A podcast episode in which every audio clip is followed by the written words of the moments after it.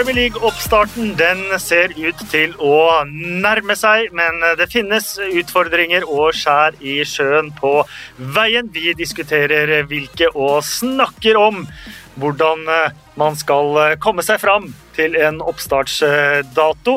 Kamptidspunktene de vil antageligvis bli nye når man kommer i gang igjen. Hvilke kamptidspunkt man får, snakker vi også om, i tillegg til å prate om Manchester United, Newcastle, Maurizio Pochettino, Championship selvfølgelig, og eh, litt annet småsnacks underveis. Erik Thorstvedt, Hei, hei. du er gammel helt fortsatt. Gammel er jeg i hvert fall. Og så er jeg i tillegg eh, det som var tittelen på boka mi en gang i tida. Helt bak mål. Var det tittelen på boka di? Ja, faktisk. Ja. Og det var ikke biografi, det var bare et, et oppgulp av gamle fotballhistorier som jeg hadde rappa fra diverse bøker jeg kjøpte i England. Så enkelt var det. Øyvind Alsaker, Jeg må jo få en, eh, klare en bedre introduksjon enn det Erik presterte her nå, i hvert fall. ja, du er jo Vi får se hva du klarer. for mange en, eh, en både gammel og nåværende helt. Mm. Eh, Kommentatorhelt. Ja, ikke akkurat nå for tida, da. Nei, hvordan er livet? Nei, det er jo uh, stusslig. Eh, Vi kan jo starte da med sp- spørsmål fra Twitter og Kenneth Hasselstrøm. Er familiene fornøyde nå som eh, dere har vært mindre på jobb, eller er det motsatte som er tilfellet? Det svinger vel litt, men jeg tror sånn jevnt over at de er fornøyde, altså. Uh, og det er vel Erik som har sagt at eh, eh, vi ikke skal kaste bort en god krise. Så vi Mm. må liksom prøve å gripe til det som eh, blir påtvunget oss her, da, og se om det kan ligge noe positivt der. Og for min del er jo det selvfølgelig å ja, å være mer til stede med alle de ungene som jeg har klart å skaffe meg etter hvert. Mm. Eh, Du er utrolig fertil, du. Jeg er det. Jeg er det. Men er det sånn at det, det provoserer ikke familien litt at du fyller kommentatortomrommet med å kommentere ting som skjer i dagliglivet, istedenfor Det har at jeg du går inn faktisk i avstått helt liksom? fra. Det har jeg faktisk holdt meg helt unna. Men eh, nei, så det, akkurat det er jo fint. Og det er jo en eh, Fordi det har pågått så lenge, så er det jo, sånn, det er jo et markant avbrekk i livet, da. Mm. Som jeg på visse områder finner fascinerende. Det var litt interessant. Det er jo en greie som vi forhåpentligvis bare opplever én gang. eh, Men nå begynner du jo å tenke at vet du hva, nå må vi gønne på litt. Jeg leste i dag at hvis du tester 12 000 personer i Norge random, så får du 15 positive svar, sannsynligvis. Men 14 av de kommer til å være falske positive svar. Så én. Så én av 12 000. Og tenker jeg, i hvert fall i Norge så ligger vi sykt bra an. I England så har vi litt å gå på. Der har de litt å gå på. De største overskriftene de siste par dagene har vært uh, Mr. Cummings uh, eskapader med korona rundt om i halve, halve England. Vi skal holde oss uh, unna det, men litt i eh, forlengelsen av eh, det, så var jo du på eh, en fotballkamp Ja, som visstnok også skal ha krevd eh, 41 liv til korona. Liverpool, Atletico Madrid for et fullstappet Anfield. ja det var jo Den nyheten i går var jo en slags sånn foreløpig regning på, på den matchen som aldri burde vært spilt, og det, det er selvfølgelig ekstremt sterkt å høre det. Eh, og for oss som var der, så var det eh, Altså, der og da så var det bare sånn dette er helt feil. I ettertid så har vi jo òg skjønt hvor stor den smittefaren selvfølgelig var. Altså Jo mer vi liksom har lært om, om dette viruset og om eh, måten det, det opptrer på, så skjønner en jo altså, at den der eh, enorme trengselen og 3000 fra Spanias eh, covid-19-episenter i fri dressur Mm. Um, nei, og det, det var en, for meg en nyttig påminnelse om, når vi nå uh, higer etter å komme i gang igjen, uh, at vi kan ikke skynde for mye. Altså Det må være på en måte uh, ordentlig, trygt, skikkelig. Fotball må ikke pushe seg frem i køer eller liksom forsøke å, å få dette i gang før det faktisk er i orden å få det i gang. Så akkurat det var en nyttig, nyttig påminnelse. Når det gjelder Norge, så du sier vi ligger godt an, men i Norge burde det vært spilt fotball for lenge siden. Norge burde vært først. Det er jo knapt smitte i dette land. Mm. Eh, Jeg husker jeg satt og, på, i sofaen og så dere på indre bane og så match og, og alt mulig, og syntes det var rart. Hvordan opplevdes det egentlig klarte man å skru av tankene om, om det som var, eh, var, rundt, eller opplevdes det merkelig da du, du sto der? og Jeg vet jo veien til kommentatorplass ja. i, på Anfield, og du, du, du må trenge deg forbi en del folk på veien der, ja. ja.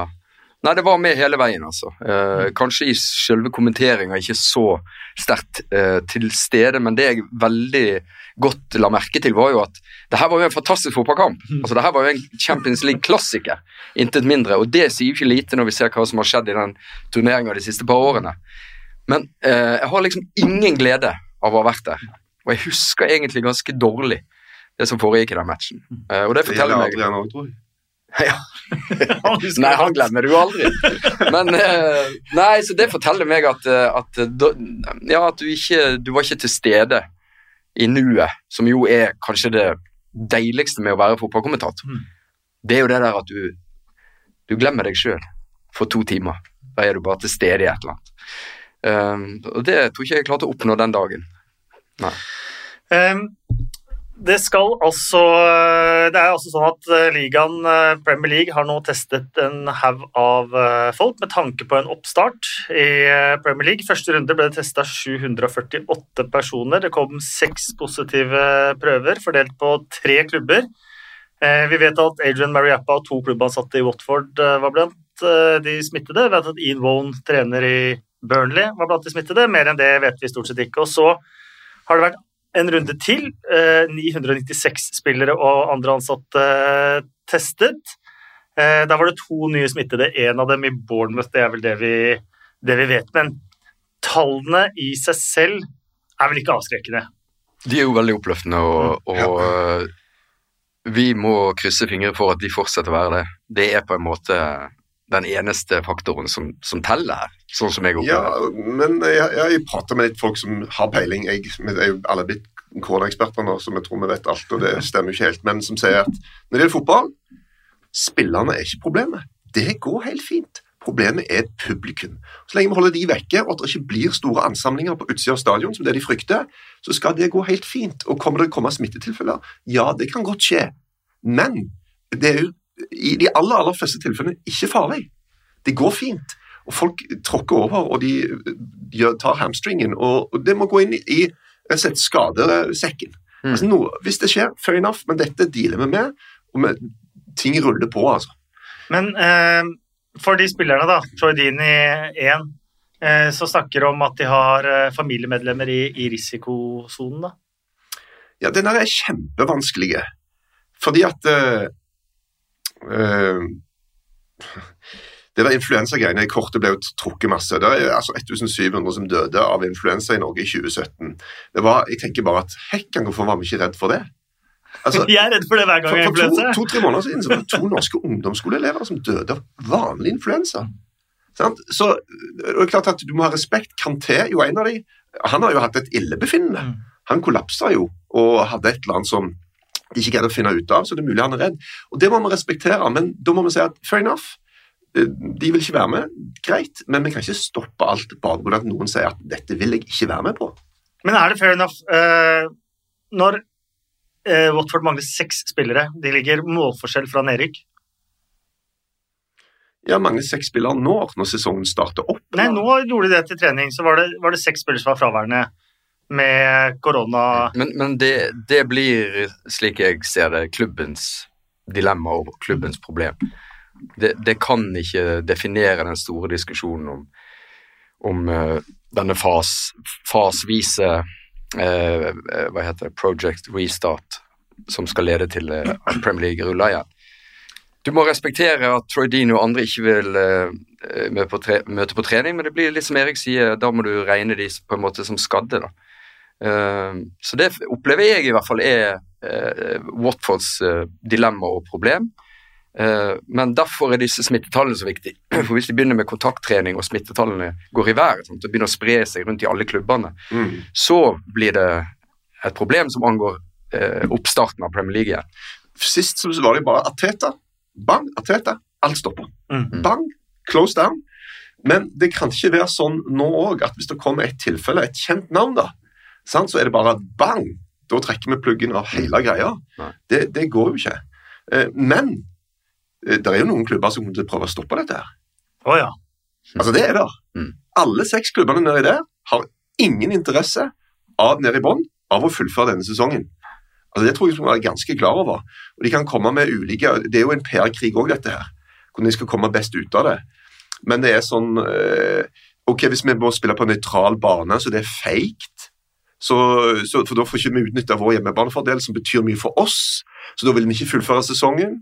Eh, Norwich de aksepterer å måtte rykke ned, men kun hvis championship-lag har kvalifisert seg for opprykk gjennom å fullføre sin sesong. Mm. Altså, det, det er så mange rare greier oppi dette her. Og hva da hvis du skal begynne å si at ok, men slutt, setter sluttstrek på sesongen nå? Uh, og da tar vi poeng, I og med at de har spilt ujevnt eh, antall kamper, så må vi ta poengsnitt per match. Ja, er det rettferdig? Bør du ikke ta og vekte det i forhold til hjemmebane og bortebane, som faktisk er en enormt stor faktor i fotball? Altså, Det er masse greier her da, som en kan benytte seg av for å prøve å komme seg ut av det. Men hvis de 14 andre klubbene står på krav som de bør gjøre, og City f.eks. Noen har sagt gidder City å stemme for at Liverpool skal bli mestere? Ja, det tror jeg faktisk. For City står i hengemyra PR-messig på så mange måter at jeg tror, og jeg tror på, på at det faktisk finnes noe sånn som at eh, noen gode folk igjen som sier at vet du hva, nei, det er fair. De har mange flere poeng enn oss. Klart de skal bli mestere. Det, det tror jeg faktisk er tilfellet. Helt enig. Eh, det, og jeg mener det er en enorm moralsk forpliktelse Premier League har, eh, rett og slett. Overfor Liverpool, f.eks. Men de klubbene i bånn som ikke vil fullføre sesongen, altså den der eh, å annullere sesongen, er vel egentlig helt off the table. Og Dermed sitter du igjen med et nedrykk, uansett hvordan du snur og vender på det, uten å ha muligheten til å gjøre noe Du med har det. i de siste rundene. du har Nederland og Frankrike, de to variantene. Nederland bare nuller alt. Mm. Og Frankrike de bare sa at akkurat sånn som det er nå, Mm. sånn blir det. Mm. Så det er de to variantene, da. Mm. Og League one, League two, de går for eh, din utregningsmodell, antageligvis så vidt eh, at de skal, skal De skal vekte noe borte- og hjemmekamper Ja. igjen, og et eh, finurlig utregningssystem der. Ja. Hvis jeg ikke skjønte Men- men, eh, helt feil. Men det er, jo gra det, er jo, det er jo bare grader av eh, rettferdig her. Mm. Ingenting. Ingenting blir Er det, rettferdig. er det rettferdig at United får tilbake Marcus Rashford fra langtidsskade, Paul Pogba spiller klar igjen, Harry Kane kan plutselig skåre mål for Tottenham på tampen av sesongen. Tottenham var jo helt ute å kjøre før koronaen. Så her er det jo grader av rettferdig. Det, det Uansett eh, modell du velger. Og så vil jo eh, den, kanskje den mest rettferdige modellen være å fullføre sesongen, da. Selv om du har disse tingene som jeg nevnte, da. At uh, du får spillere tilbake som ikke hadde kunnet bidra på tampen av, uh, av sesongen. Men uh, jeg opplever i hvert fall at å annullere en sesong etter 29 runder Altså jeg mener det, det, altså det, en, det hadde vært en skam for Premier League. Hva hadde de største klubbene tenkt hvis vi var i 14-15-sesongen, hvor eh, Leicester var, eh, var oppe der? Da, da samla de seg ganske fort for å finne en ny modell på Champions League. Og, ja. og alle, ja, 15-16, Ja. alle, alle sånne ting. Eh, Ville de vært like lojale overfor dette her hvis det var de som hadde Hvis det var den sesongen vi var inne i nå? ja, altså, jeg tror jo at altså, Bortsett fra Karen Brady i Westham, som var tidlig ute og ville annullere alt, og sånn, så har det jo egentlig gått ganske fint for seg, syns jeg. Altså, jeg tror Jeg tror de fleste Premier League-klubbene ser hva slags produkt dette er, hva slags liga dette er, hva slags tyngde den har, hva slags ansvar de har som representanter. Jeg tror det.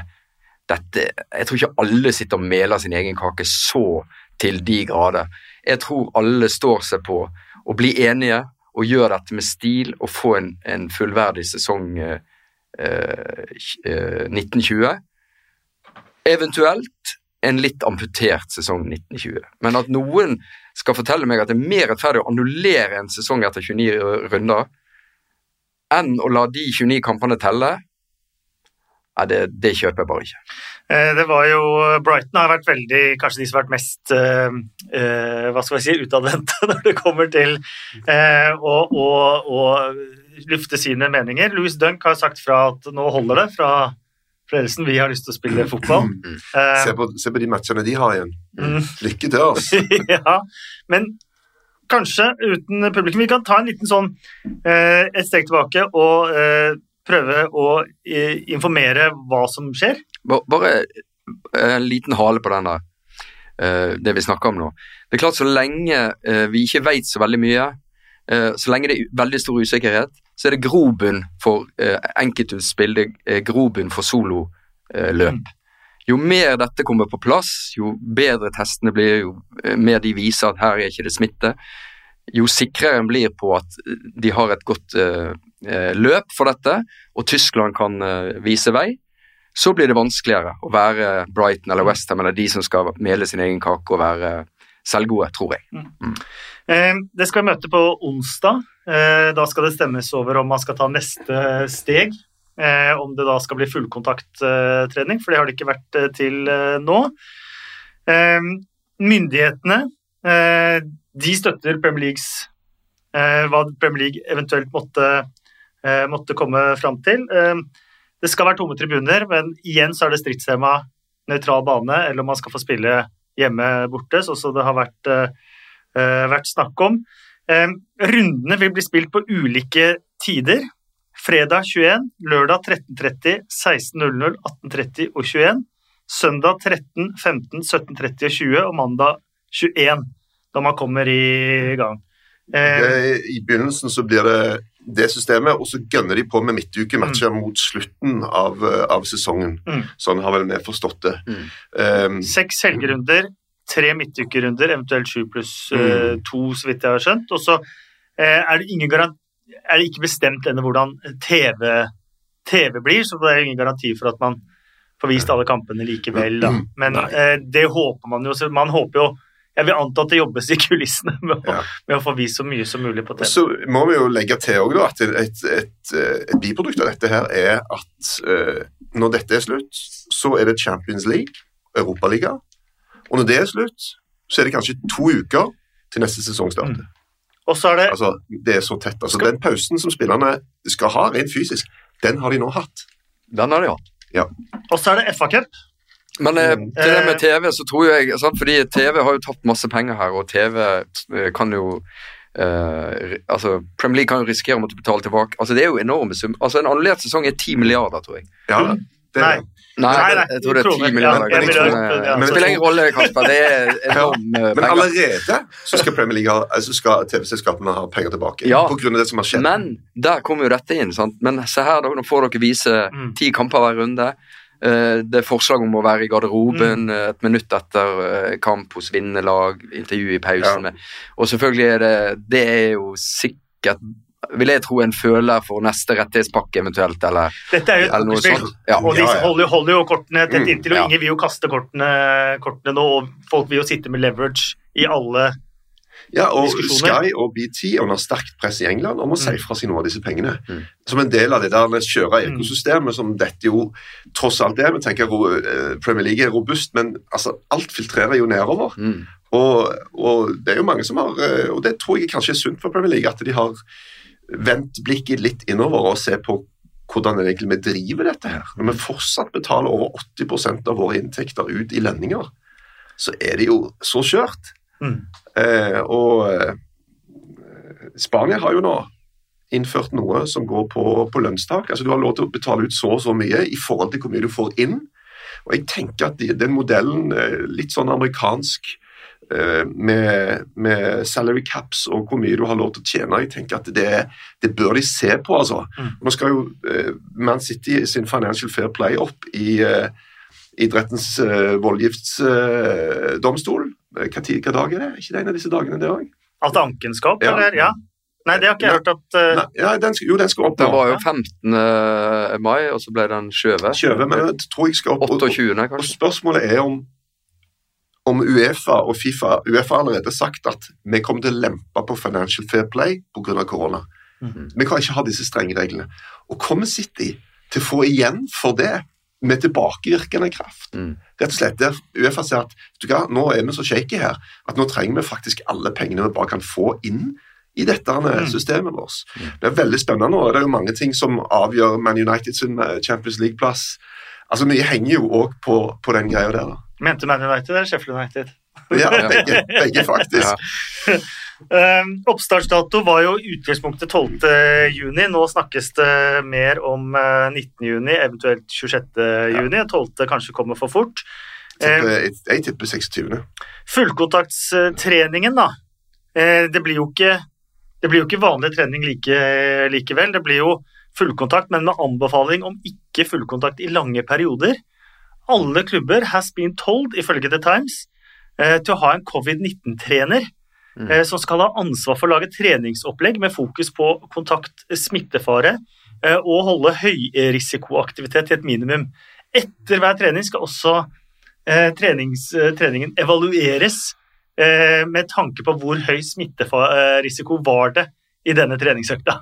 Og inspe eh, inspeksjoner er varsla. Ja.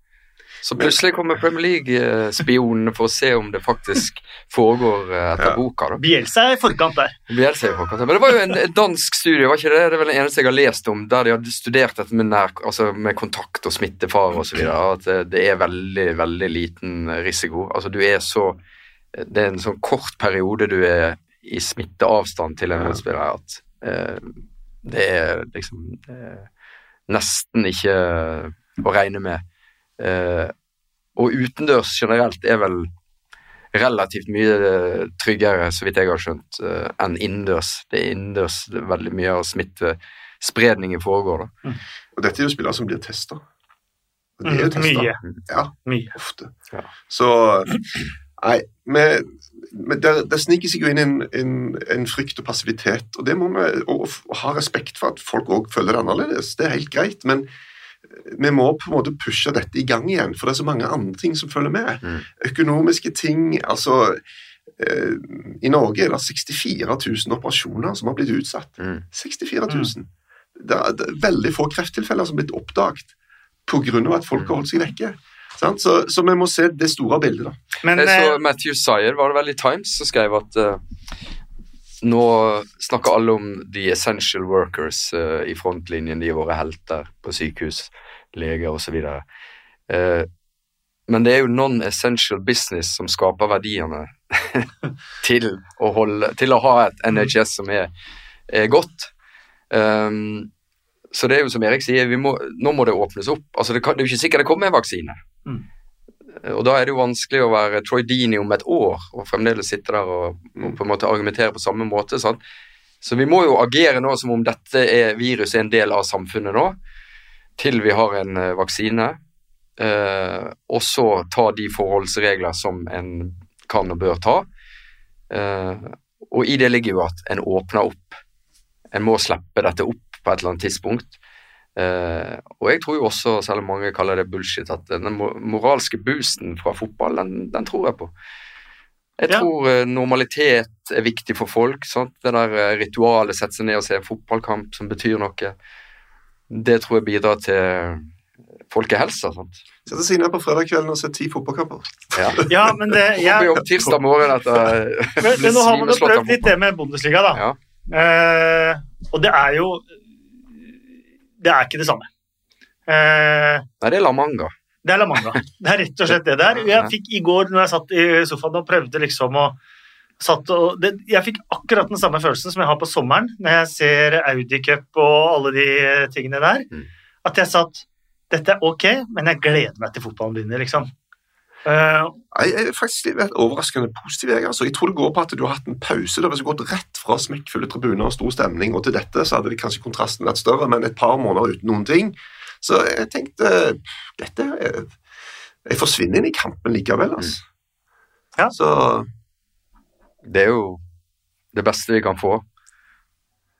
Selv er om det det. er langt unna optimalt. Eh, Så har vi jo da Europacup, eh, FA-cup, alle de eh, tingene der. Vi har vært inne på det i podkasten og eventuelt kanskje bare skyve hele denne sesongens Champions League til neste vår. Starte på nytt igjen, nytt igjen da. Eh, Det er vanskelig å se for seg i hvert fall hvordan man skal kunne starte et fullverdig Champions League, Europaliga i høst. Det er jo denne reisinga som skaper litt trøbbel der, da. Selvfølgelig. Mm. Men det bildet kan jo være annerledes i august. Jeg syns jo løpet som er lagt nå, er fornuftig, altså, med hjemlige serier. En slags sluttdato på det seint i juli. De som har Champions League og Europaliga, har august måned til å, å få gjennomført det. Hvordan ser ting ut i august? Jeg vet ikke, men helt sikkert annerledes enn nå. Mm. Så jeg syns jeg syns fotballen på en måte har Ja, hva skal jeg si? Det så veldig mørkt ut. Jeg syns fotballen har klart seg ganske bra her, altså. Jeg syns, det, jeg synes eh, til å være så dramatisk, så er det Ser jeg en slags et lys i tunnelen. her, Og til å være så mange ulike interesser. Ja. Altså, det er jo Ja. egentlig det, da. Mm. Du, og, og, og det krever jo bra lederskap å få dette i havn. Mm. Uh, og Nå er vi ikke helt der når det gjelder Premier League, men det ser jo ut til at uh, Og jeg tror det var veldig viktig at altså Tyskerne var jo kjapt ute, da. Mm. Og vi, det går fint. Mm. Det går bra. Eh, og da er det veldig vanskelig å, å argumentere så veldig mye mot det. Mm. Selv om de har jo mye mindre smitte enn i, i Storbritannia. Det har kommet eh, diverse ideer. Westham så jeg nå i dag at der har lansert ideen om å ha storskjermer hvor, du, eh, hvor fans filmes mens de ser på matchen. Ja, Århus, eh, danske Danmark, òg snakket om det. Mm. Det er jo eh, å be om uh, porno på stadion. Det er jo uh, en klassiker. Er det, altså, jeg greier aldri å stoppe noen fra å og styr det. Ass. Jeg er helt sikkert noen som kommer til å kjøre på noen greier. Det, Ja. så spillerne blir nok litt mer opptatt av det som skjer på skjermen, kanskje. um, Ja, det men, men ellers er det jo enormt kreativt og kult. da. ja, men du spilte jo en sesong hvor det var veldig, veldig mye ombygging på arenaer. Ja, Eh, Arsenal hadde jo den berømte The Mm. Mural.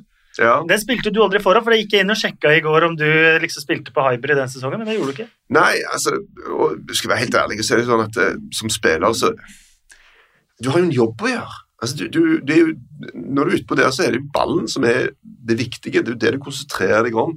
Alt det andre Med mindre du får på storskjermen. Ja, ja, sant. um, men jeg husker jeg spilte en kamp borte mot Everton eh, på en tirsdag, tror jeg. og Da var det 35 000 tilskuere. Dagen etterpå så spilte jeg landskamp på Ullevål. Og da var det 3500. Ja, det har vært 3500 på en norsk landskamp. Og det var sånn wow, hvorfor er det ingen her? Altså, Da merker du det veldig, da. Men, men eh, jeg, jeg syns jo det er litt show òg, da. For at eh, jeg er motstander av at alt alltid skal være helt likt for alle. Det, det er ikke idrett.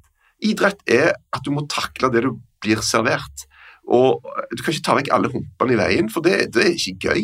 Vi må ha noen ting som plutselig er eh, spesielt den kampen, snø her, eller å, spille uten tilskuere. Noen lag vil takle det bedre enn andre. Noe, hva kraft greier du å skape internt? Hvordan jobber idrettspsykologene, som de aller fleste lag har tilknyttet? Hvordan gjør de med dette her? Hvordan bruker de oppvarming og et eller annet til å, å, å skape en, eh, en, eh, et fokus, da, som ikke er avhengig av påfyll fra publikum? Det tenker jeg er faktisk litt, eh, litt show å se. Mm. Og, og innledningsvis så er det vel i Tyskland noen som mener at eh, ja, borte, altså hjemmefordelen er vekke, det er ikke så mange hjemmeseiere, bla, bla, bla. Men det er jo et Mer rettferdig dømming. ja, mer rettferdig dømming, men det er en veldig liten sample. da. En veldig liten uh, antall kamper. da. Så jeg må se det over lengre tid hvis jeg skal kunne greie å komme fram til et eller annet. Men det er veldig spennende det du sier der om uh, Her blir jo trenerne satt på, på prøve. Ja. Sant? Jeg synes Det fascinerer meg veldig. Sånn, tenk sånn Jørgen Klopp nå. Sant? Ok, Alle disse Premier League-managerne kan coache. De kan den jobben de i større eller mindre grad. Og de har ulik metode. Men her er jo, står jo alle overfor på en måte den samme greia. Og hvem er det som klarer å skape eh, både den der, eh, den der atmosfæren og miljøet og, og, og eh, stemningen på trening, men også hvem av disse her managerne klarer å skape eh, intensiteten. Han klarer å Mm. legge til rette sånn at uh, spillerne faktisk ja, får det, et tilbud som er tilnærmet det de har til vanlig. da, At de klarer å, å spille og, og trene så bra som de gjør uten korona. Uh, der tror jeg det er stor forskjell Mm. på de forskjellige managerne. altså. Men Klopp og Liverpool har alltid næret veldig på dette her med atmosfære, publikum, Mm. supportere, Ja. Eh, alle de tingene der. Ja, men nettopp. Nå, nå er det en ny utfordring. sant? Som er på et eller annet vis så tror jeg Klopp relishes at uh, nå skal han inn og, og takle dette. Sånn, Mm. sånn står han uh, for meg. Jeg tror ikke han er en sånn som graver seg ned Ah, nå mister vi den edgen, og nå mister vi Altså, jeg tror tvert imot at han ser det her som en sånn der Nei, og, de, og de hadde jo en liten down, da. De Mm. hadde jo en down rett før uh, koronastoppen kom. Mm. Eh, og har de røska seg sjøl ut av den? Altså, hvordan, og det, det, jeg er veldig enig med Øyvind, men det, det handler ikke kun om manageren heller. Det handler om hva organisasjonen har vi i vår klubb. Mm. Hva, hva ressurser har vi som vi kan spille på?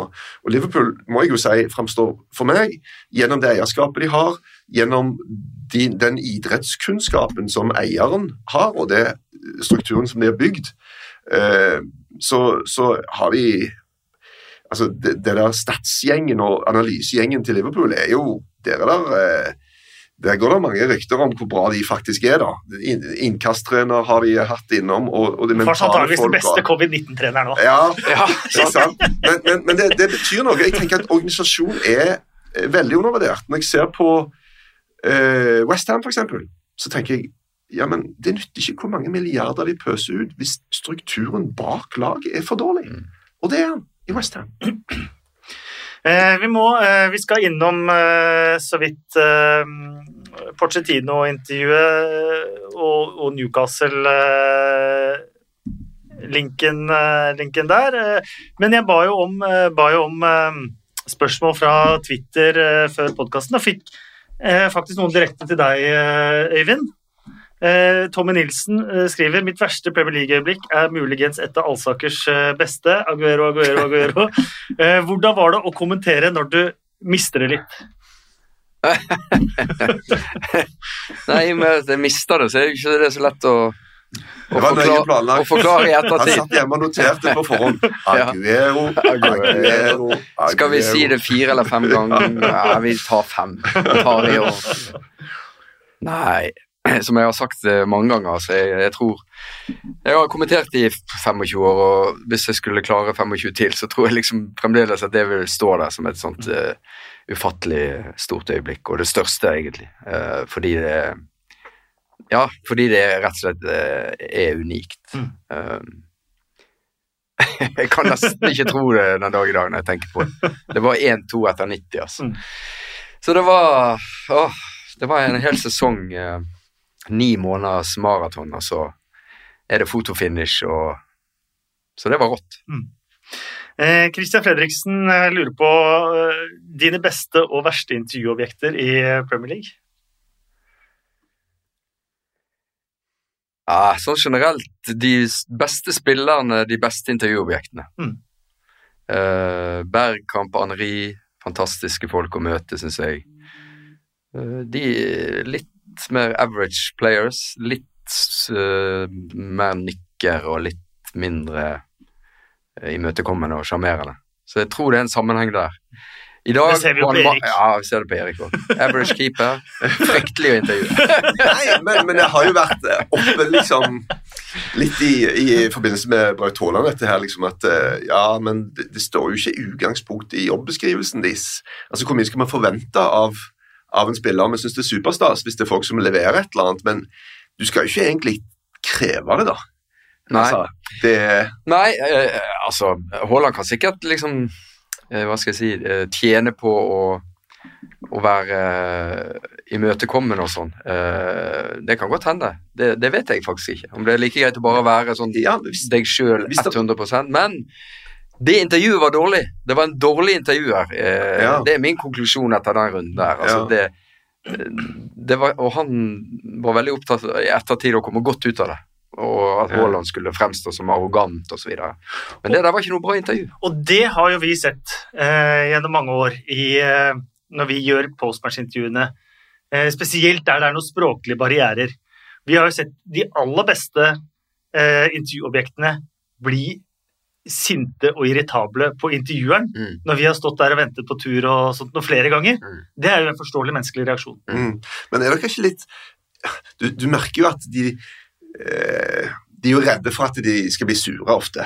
Er dere redde for å liksom, Må dere formulere dere sånn Gå litt rundt grøten av og til for å på en måte prøve å lirke dere fram til hvis det har skjedd et eller annet spesielt i kampen eller et eller annet. Det, det, det er jo det som gjør det litt kjedelig nå, da.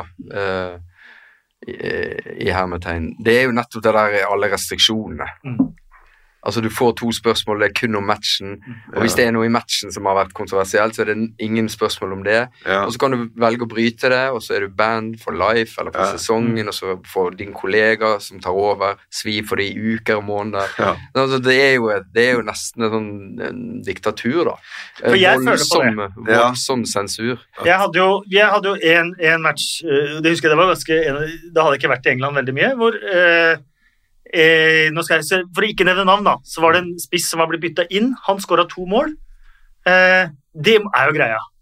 Og så hadde han gjort BBC eller Sky først, og så kom pressesekretæren inn på det der vi venta eh, mens vi venta på denne manageren, og så sier han eh, Han fikk spørsmål om spissen som ble bytta inn, and he took offense. I'm just saying. Oi. ok. så bare ok. Så Ja. da prater vi ikke om det Ja, som egentlig hele matchen for han. Ja. Mm. Men, sånn så, jeg tenker med Braut Haaland at han gjør det, er jo nesten litt kult. for Da er det sånn Oi, hva sier han i dag? Du sitter og venter. Mm. Men hvis alle gjør det samme, Mm. så blir det jo kjipt. Mm. Hvis alle kjører samme linja, så blir det jo ikke så superstas. Nei. Men det skal jo sies at han har svart veldig fint i mange intervjuer, han. Og så er han sær av og til. Ja. Eh, Men det blir jo litt sånn, som vi sier, det, det skaper jo en egeninteresse. Ja. Bare den greia. Ja. Men han Så- eh, intervjueren vil jo åpenbart, gjennom å stille det spørsmålet Dere løp bort til den gule veggen, hvorfor? Han vil på en måte legge de ordene i, Ja, i Haaland sin munn, og nå skal han Ja. fortelle ja. en fin historie om hva supporterne betyr. ja, ja. Mens Haaland liksom bare sånn «Ah, Det der ble for dumt, da. Ja. var Why not? Men det verste spørsmålet må da jeg si står han jo der. Han er jo helt ferdig da. Men de der engelske, de engelske intervjuerne, Ja. jeg må bare si, det er verste, det er min største hat. De engelske intervjuerne de bruker veldig ofte uttrykket 'how important'. Mm. Og det er helt ræva spørsmål. Mm. How important? For da bare, de, bare de ber de jo bare om å si at 'it's very important'. Mm. Altså, Ja. fuck Mm. off. Ja, du kan ikke Altså- måle det.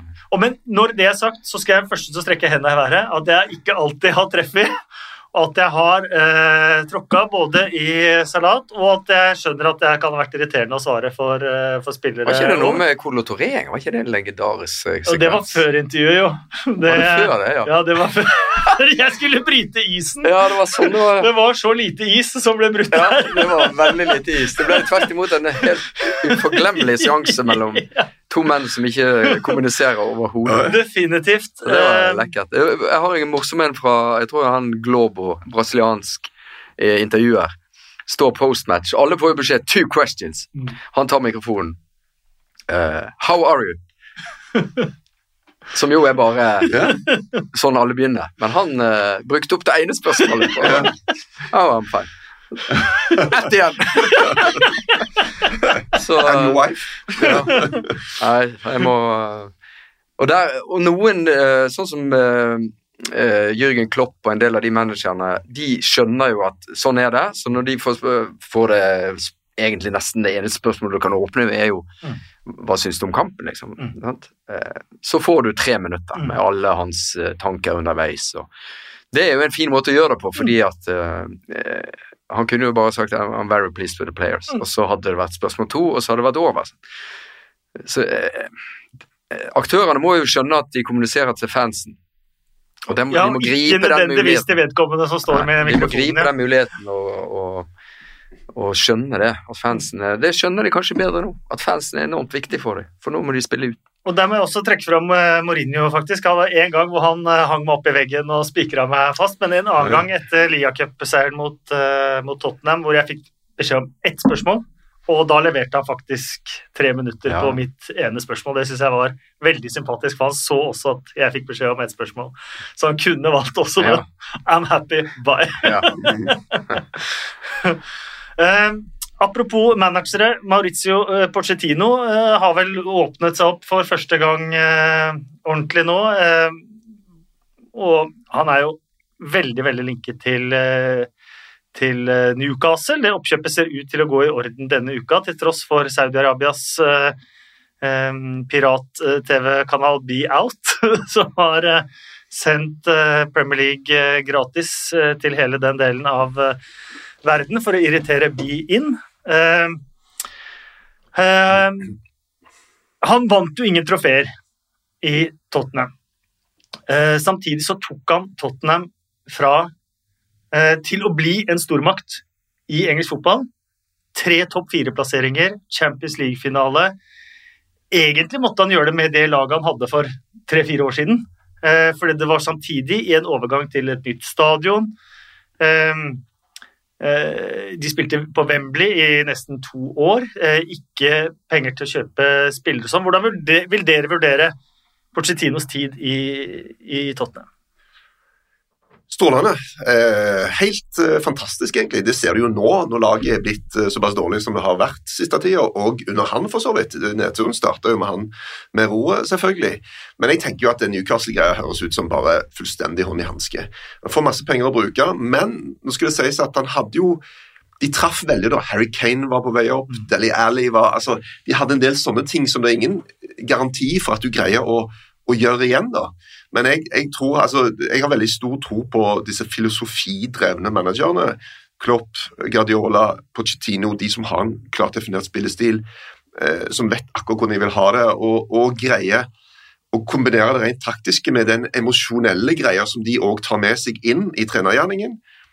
Eh, og han fikk jo en dolk i hjertet etter 20 sekunder i Champions League-finalen. Den tror jeg ødela ekstremt mye. Han snakker jo om det. Ja, veldig kanskje Liverpool var jo favoritter, de hadde kanskje vunnet likevel, men du vet jo aldri helt, da. Men, men jeg tenker at den, uh, uavhengig av trofeer uh, Han sa vel at trofeer er oppskrytt, det er jeg ikke enig med ham i, men at han gjorde et eller annet med den klubben som, som gjorde at det er det beste Tottenham-laget jeg noen gang har sett. Det er jo Altså, jeg syns det er en førsteklasses jobb, og at han og Newcastle med mye penger, det tror jeg kan bli en, en, et, et kraftsentrum. Altså. Mm. Ja, altså de trofeene som ikke er så viktige, hadde jo kanskje sørga for at han var Tottenham-manager fremdeles. Sant? Så det, det, henger jo veldig nøye sammen. Og, mm. og uh, i mitt hode i hvert fall, så var jo det prosjektet hans var jo enestående på veldig mange måter, men det fikk aldri Det ble aldri kroner. Er ikke det litt sånn ja, for Du har et visst antall år sant, mm. med laget ditt. Han hadde jo, var jo i gang med år fem-seks når det begynte å, å, tippe. Ferguson sa en gang du har fire år med et lag. Sant? Se på Klopp nå. Det er liksom, Du skjønner at de kommer til å bli gode neste sesong, kanskje år etter det igjen, men så, det, så må det skje et eller annet der. Uh, så Pochettinos tid i Tottenham var på en måte over, i mitt hode. Altså, det der virker fullstendig dødt. Uh, men jobben han gjorde underveis, kanskje det viktigste hvis du ser uh, både i Southampton og Tottenham, Eh, hvor mange engelske landslagsspillere som har fått sin landslagsdebut mm. og har vært under hans vinger. Sant? Det er klart det, det, det, er jo en, eh, i, den, i, det bærekraftige perspektivet en enorm styrke han har da, til å løfte frem uh, egenproduserte Tenk å få et lag med Jordis, sant? Som uh, Ja, ja. Frødrene Longstaff ja, ja, og litt mer Longstaff og litt fettere Altså, det er jo en en, en fotballby som uh, få andre. Tenk om de plutselig bare får et verdensklasselag, og, og Pochettino uh, får muligheten til å, å vinne noe. Uh, det er jo en veldig fascinerende tanke som det er lett å glede seg til, uten å et øyeblikk glemme hvem som kom inn med pengene. Nei, for det har vi snakket om eh, i podkast først. Hvis, hvis, man vil høre om de moralske dilemmaene der, så kan man spole seg noen podkaster tilbake og, og høre podkasten vi hadde om eh, det. Eh, men The Athletic hadde jo noen refleksjoner rundt eh, dette intervjuet og Porcettinos tid, og de, de snakker om Man prøvde jo liksom å bruke Liverpools eh, Champions League-tap i Tottenham da de tapte den, at nå starter et nytt kapittel, og neste år så er vi, vi klar. Men at det mer føltes ut som at dette var enden på reisen for Tottenham. At det var den ene sjansen Porcetino fikk, mm. og så ferdig. Ja, men at de var i den finalen, er jo nesten ikke til å begripe. Ja. Uh, og fotballen de spilte den uh, våren 19. Uh, resultatene siden ja, januar det året var jo Altså, det var, det var jo nedrykk. Mm. Så, så var jo den cupturneringa på en måte en slags Eh, ja, et eventyr, da. Men uh, både Ajax-matchene og City altså, Det var jo uh, Altså. Og, og, det var så mange ting med måten han ville spille på, som bare, bare altså Dette pre høye presset, det bare forsvant. Mm. Det greide de ikke lenger. og Det tror jeg òg går på at hvis du skal jobbe så tøft fysisk og emosjonelt som det kreves, så må du få en form for belønning, da. Og det får du hvis du vinner en pokal. Mm. Da får du en belønning. Men her så var bare piska mm. fram og piska fram, og til slutt så bare De, var, de sprang seg i senk. Mm. De orket ikke mer. Nei. Og så var det jo Sommeren etter var jo bare kaos. Det var jo Erik Eriksen vil bort, Fertongen er uten kontrakt, alle veier Hva skjer med han, Danny Rose? Sånn, det var jo Ja, det var var vekk, ja. Mm. ja. Stammen i laget gikk i oppløsning. sant? Ryggraden knakk jo egentlig på hele prosjektet. sant? Og med den skuffelsen inn igjen i sommerhelvetet til han Pochettino, som jeg har skjønt er ganske vilt. Eh, tungt. Spillere som vil vekk, prøve seg andre steder. Kanskje til og med en Harry Kane som begynner sånn uff, Jeg begynner å bli opp i årene, altså. Jeg trenger å vinne noe her. Altså. Eh, og Pochettino, som jo er litt sånn åndelig drevet, da. Eh, på en litt underlig måte. Kanskje la litt stein til byrden her når disse tingene falt sammen i tid, da. Med den der eh, Hans enorme aversjon for sånn negativ eh, energi og sånn. Der er jo han spesiell, for å si det sånn. Eh, så det var kanskje ikke det den gjengen trengte akkurat der, da. Så ved veis ende, men fantastisk jobb, på en måte. Eh, Manchester United de eh, har meldt en gjeld på en halv milliard pund nå. Den har økt eh, mye under eh, koronakrisen. Eh, jeg jeg syns tall og økonomi og tolketall og alle de tingene der, så det er fryktelig vanskelig. Eh, er det noen av dere som har noen formening om hva dette betyr? For det var jo en gjeldfri klubb Glazer på en måte la i gjeld for å kjøpe klubben. Mm. Eh, og Glazer har jo fortsatt en veldig økonomisk tilnærming til eierskapet i Manchester United, og at de vil tjene penger på det. Mm. Eh, men så snakkes det også mye om økonomisk doping hos andre fra Manchester United f.eks. Men ligger forskjellen da Å ha en halv milliard gjeld høres jo ut som økonomisk doping, Mm. men så lenge man ikke har brukt det på sportslig suksess, men på egentlig å berike seg selv som eiere, så ligger kanskje forskjellen der. Ja, Jeg, tenker at gjelden er det er altså, hva, var det, sånn- hva var det Norwegian hadde? 60 milliarder i gjeld og en, og en egenkapital på 3 milliarder. Altså, Gjelden til Man United det er ingenting. Altså, seriøst. Altså, De har en sånn cashflow. Og det, det, Problemet er hvis de plutselig da stadig vekk blir Hvis de mister noe av fanbasen sin ute på at de ikke er med i Champions League og sånne ting, men, men foreløpig så er det der en ekstremt sunn økonomisk drevet klubb. Mm. Og jeg tenker at eh, eh, vi, vi kan hente fram altså, men, Og omsette, se hvordan omsetningen har økt under Glaciers i forhold til hvordan det var når de tok over. Så jeg, eh, jeg, jeg tror ikke det er noe problem. Og det er klart at det er alltid fans sier vi kunne brukt den, de pengene sånn og sånn og sånn. Og sånn. Eh, og, og det Jeg syns jo det er tullete at eh, noen amerikanere skal, skal være i en engelsk fotballklubb i utgangspunktet. Men sånn er det nå engang. Og nå må de tåle det. Sånn er det. Mm. Ja. Ja. Eh, det er jo ikke doping. altså du, Hvis du har en gjeld og kan betjene den greit fordi du Mm. har eh, cashflow, altså en enorm omsetning, da, så er, må jo det være greit. Altså Det er jo et helt vanlig forretningskonsept, egentlig. Uh, og de er worldwide. Nå taper de jo selvfølgelig store inntekter på å spille for tomme tribuner, som alle andre. Og det er klart at uh, for uh, en klubb som United, som har så store inntekter fra publikum, Arsenal litt i samme situasjon. Men det er fem Så- milliarder kroner, da. Ja, ja. Det er mye penger. Ja. Og spesielt når man taper penger fortsatt. Ja, ja. Det er klart det er mye penger. Eh, men eh, det er jo en, en midlertidig situasjon, da, Ja. vil jeg eh, anta, for en klubb som Manchester United. Altså, du vil på en måte kunne, Det er litt som å Du får ikke solgt huset, du har kjøpt et annet, så du, Ja. du må betjene har- doble lån en måned eller to. Du, De har vel, eh, Old Trafford må vel, trenger vel en uh, oppussing, gjør det ikke det? Jo. Den trenger en veldig overhaling, og det, det har vært en av de tingene supporterne har klart veldig på, at det ikke ligger noen planer for en Mm. ordentlig opprustning av Old Trafford. Mm. Eh, en kjempegod nyhet fra Manchester United, en, sånn, som, en av de nyhetene som varmer hjertet. Max Taylor, som eh, lå med kreft for bare to år siden, eh, forlenget kontrakten sin nå med Manchester United. Det er jo det er sånn som alltid gjør godt, og spesielt når man har sett bildene av hvor utrolig sjuk han faktisk var. Mm. Eh, Odio Nigalo må kanskje hjem. De har jo søkt om å forlenge lånet eh, hos den kinesiske klubben. Eh, Joshua King blant dem som linkes til Manchester United. Jeg så du hadde snakket noe om på TV 2. Ja, nevnt om det. jeg tenker jo at altså jeg syns jo at Joshua King tok det så veldig fint når det ikke ble noe av nå i vinter. Han tok det litt sånn mistenkelig fint, syns jeg. Jeg lurte på om han- er det gjort en deal her allerede, men nå så jeg at han bytta agent. Mm. Og det ville kanskje, Jeg vet ikke om det med Jim Solbakken, ja, som selvfølgelig kjenner Ole Gunnar godt, om det er et pluss, eller det ville være rart hvis en deal er gjort allerede, og så bytter en agent etter den dealen er gjort. Mm. Det er jo noe der òg. Men han er jo en sånn eh, som eh, kunne vært en bra mann for Man United, men spørsmålet er hva rolle eh, skal han spille i? Mm. Hva, hva, hva det han skal være for noe? Er det spiss? Er det kant? Er det hengespiss? Altså, hva er greia?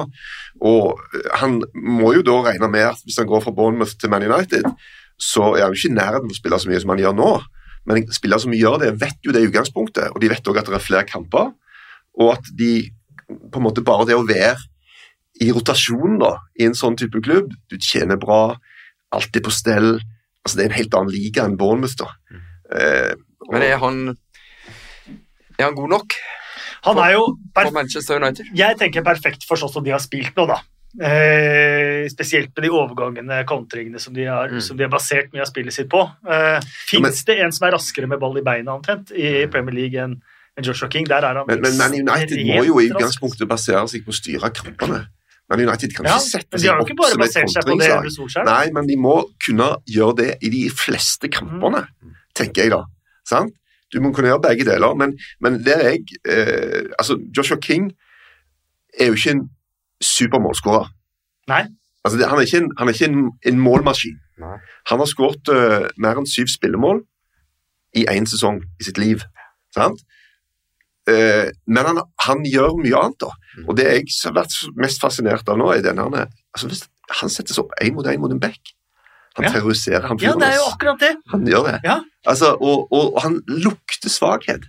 Han lukter på en måte hvor, og han får enormt mye frispark og sånne ting, men, men igjen eh, altså, Hvis du spiller mye mot etablert forsvar, da, så er, det, så er det ikke nok å bare komme seg forbi han fyren. Det er en annen som venter bak han. Mm. Så det, men, men eh, Og det er jo nå han må gjøre det. Han har ett år igjen av kontrakten sin. Mm. Eh, så blir han for gammel, og Bournemouth kan ikke ta en, gå på en Ryan Frazier. Altså, han mister de nå. Mm. Han kommer til å gå gratis. Mm. Og, og særlig hvis Bournemouth skulle rykke ned, som det er en veldig stor sjanse for at de faktisk gjør, så det er jo manna fra himmelen for Joshua King Mm. å gå fra championship til å spille på Mm. av, av og til, da. Spille på Man United. Ja, for eh, det er jo Martial som er liksom nieren her, og jeg, jeg er sikker på at Solskjær ikke Det var jo hans trekk, men jeg er sikker på at han ikke han er ikke 100 fornøyd med det. Mm. Med Martial. Ok, Er han for dårlig til å Altså, er han mer en squad player, da? Eh, trenger du en bedre nummer ni? Hvis svaret på det er ja, er Joshua King den mannen? Det opplever jeg som spørsmålet. Braut Haaland var jo det. Mm. Der var det på en måte ingen tvil. Ja. Han er både allerede og the next ten years eh, en bedre, altså en perfekt nier Mm. for oss. Han kom ikke. Det tror jeg var kjempeslag i trynet for Solskjær. At han øste inn så mye mål i Champions League i høst. At eh, alle andre ble liksom kine på han. Um, og det er jeg usikker på. Om King på en måte er Hvis du skal da sette Martial til side og gå for en annen nummer ni, er det Joshua King? Det er jeg usikker på. Mens vi er inne på Manchester United, så fikk jeg tips fra Glenn André Eck Christiansen på Twitter. United Report skriver at United har eh, gitt beskjed til Hearts, Bolton og Burton at de ikke vil eh, eh, ta betalt for de utestående pengene de har med lånespillerne Joel Pereira, Ethan Hamilton og Kieran O'Hara. Det er jo en fin Mm. fin ting, da. Eh, fordi de da eh, etter sigende skal føle at det er urettferdig å, å øke den finansielle byrden på de klubbene under koronatiden. Ja, for der er det, Vi snakker mye om Premier League her, men fy filler'n nedover divisjonene. Altså. Der Ja. er det mange som står på kanten av stupet, rett og slett. Og vi kan avslutte med det. Eh, Huddersfield-eier Phil Hodgkinson eh, sier at 50-60 klubber kan gå konkurs eh, under, eh, eh, under denne krisen fra, Premier, eller fra under Premier League og, og nedover. Eh, både med at denne sesongen, men ikke minst mangle inntekter i kommende sesong. Mm. eh, Og at spillerne må være med på lønnskutt fra 30 til 50 Mm. eh, så lenge tilskuere er bannlyst, om man skal ha noe håp om å overleve. Det høres dramatisk ut. Ja, det er det. Det er jo det. det, er jo, men det er jo drifta igjen, da, som er Den er jo ikke kjernesunn og tåler ikke sånne slag. Sant? Den er ufattelig skjør. Sant? Eh, med eh, lønnsnivå og hvor stor del av omsetning som faktisk går til å betale for spillerne. Det er en usunn prosentsats. Eh, den, men denne pyramiden må jo alle forsøke å være med å redde, føler jeg, da. Mm. Altså bare, ja. bare fallskjermutbetalingen til laget som rykker ned fra, fra Premier League, Altså, du har fordelt det ut, da. Det er jo Mm. òg en syk økonomisk doping. Mm. At de lagene som rykker ned Jeg vet at de har det tøft. Eh, hvis de ikke har konstruert kontraktene med spillerne sine skikkelig, som gjør at de får et lønnskutt når de rykker ned, så er de jo Du får helt på, på kanten. Altså. nesten 150, nei 1,5 milliarder fordelt over fire år. Altså, Nei, tre hadde, år har det blitt nå. hvis du hadde tatt Men de pengene og fordelt de på tredje og fjerde nivå i engelsk fotball, Mm. og gjort det på en skikkelig måte, som ikke gjorde at de bare pøste det ut til spillerlønninger igjen, da, så hadde det gjort en enorm forskjell. Altså. Jeg mener jeg har lest at ingen av de siste ni nedrykkslagene har rykka opp igjen. Kan det stemme? Det kan godt være. Altså. Siste tre åra. Ja, det kan vel fort stemme. West Bromwich er på vei opp nå, da. Ja. Ja. Ja. Så det er ikke bare bare det der, altså. Nei. Men det diskuteres jo mange forskjellige varianter her, og statlig eh, tilskudd så jeg eh, kom opp som, en, eh, som et forslag, og eh, Ja, det blir jo eh, tribuner uten publikum gjennom eh, 2020, slik det ser ut. Så det, og en ting er denne umiddelbare krisa, komme i gang igjen, disse tingene, men eh, eh, det er litt som eh, at du setter tilbakebetaling på, på vent. Det går greit. Du får utsatt avdragene dine. Det går greit. Men på et eller annet tidspunkt så er det hverdag igjen. altså. Mm. Da skal de pengene inn, og da skal de pengene finnes. Og de pengene er ikke, er ikke der per i dag. Eh, Så det er jeg veldig spent på det. Hvordan eh, Premier League stiller seg eh, solidarisk osv. Så så ser man jo nå at det kanskje er litt sånn bevegelse i kulissene for de storklubbene som, som har vært lysten på det en stund, og eh, enten ha feederklubbs eh, nedover i systemet, eller prøve å snike inn andre lag i, i ligasystemet. At det kanskje plutselig kommer en, kommer en åpning for det, da. Mm. Eh, for ja, eh, det vil jo rokke ved hele den engelske fotballsjela, det, da. Mm. Hvor enhver klubb, om de spiller på 7. nivå, 15. nivå eller i championship, eh, lever eh, sitt eget selvstendige liv der, da. Mm. Eh, I en liga. Ja. Eh, men det skulle ikke forundre meg om man begynner å se litt bevegelse der. Men det er jo, vi, vi, snakker, vi fokuserer veldig naturlig nok på oppstartstidspunkt og det, det sportslige her, men altså, hvor mange advokater som eh, er i sving Mm. rundt omkring i fotballverden nå, Mm. for å liksom bare få hodet over alle de ufattelig intrikate kontraktsgreiene eh, som, eh, som ligger der. Altså, Der tror ikke vi er i nærheten av å skjønne engang Mm. hvor vanvittig komplisert det her er. Med spilleres kontrakter som går ut forlengelse. Sponsorkontrakter. Hvor hvor Sponsoravtaler. skal de, skal de få Draktavtaler. penger igjen? Majør, Ja. Covid-19-klausuler i alle nye ting som blir skrevet. Altså, det er et sånt virvar av, eh, av snubletråder her at eh, Ja, jeg tror det, det er nok visse bransjer som går ganske godt i, i koronatida òg, altså. Det er jeg ganske sikker på. Du sitter i sykkeldressen, Erik. Erik. -hmm. Skal du hive deg på Cannondale? eh? Kan du, slippe, kan du slippe meg ned på TV 2-bygget? Ja, ja, sitter på stanga, du. Og du, har du begynt å så vidt begynne å titte på ting og lese ting og Ja, ja. sette deg inn i Men nå, er det jo 19. litt, juni? ja, nå, ja, men nå er det jo mer sånn her eh, dag til dag hva skjer i England, hvor mange har testa positivt. altså det, Du blir jo oppslukt av det, da. Mm.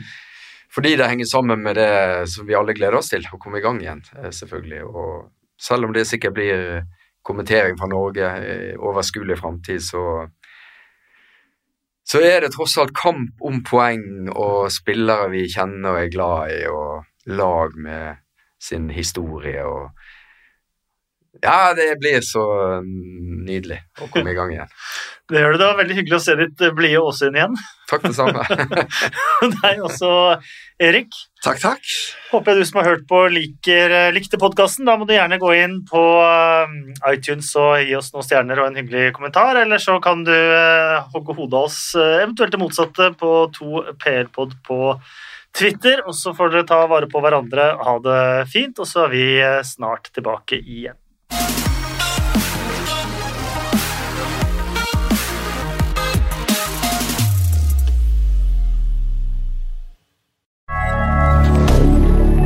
Moderne media.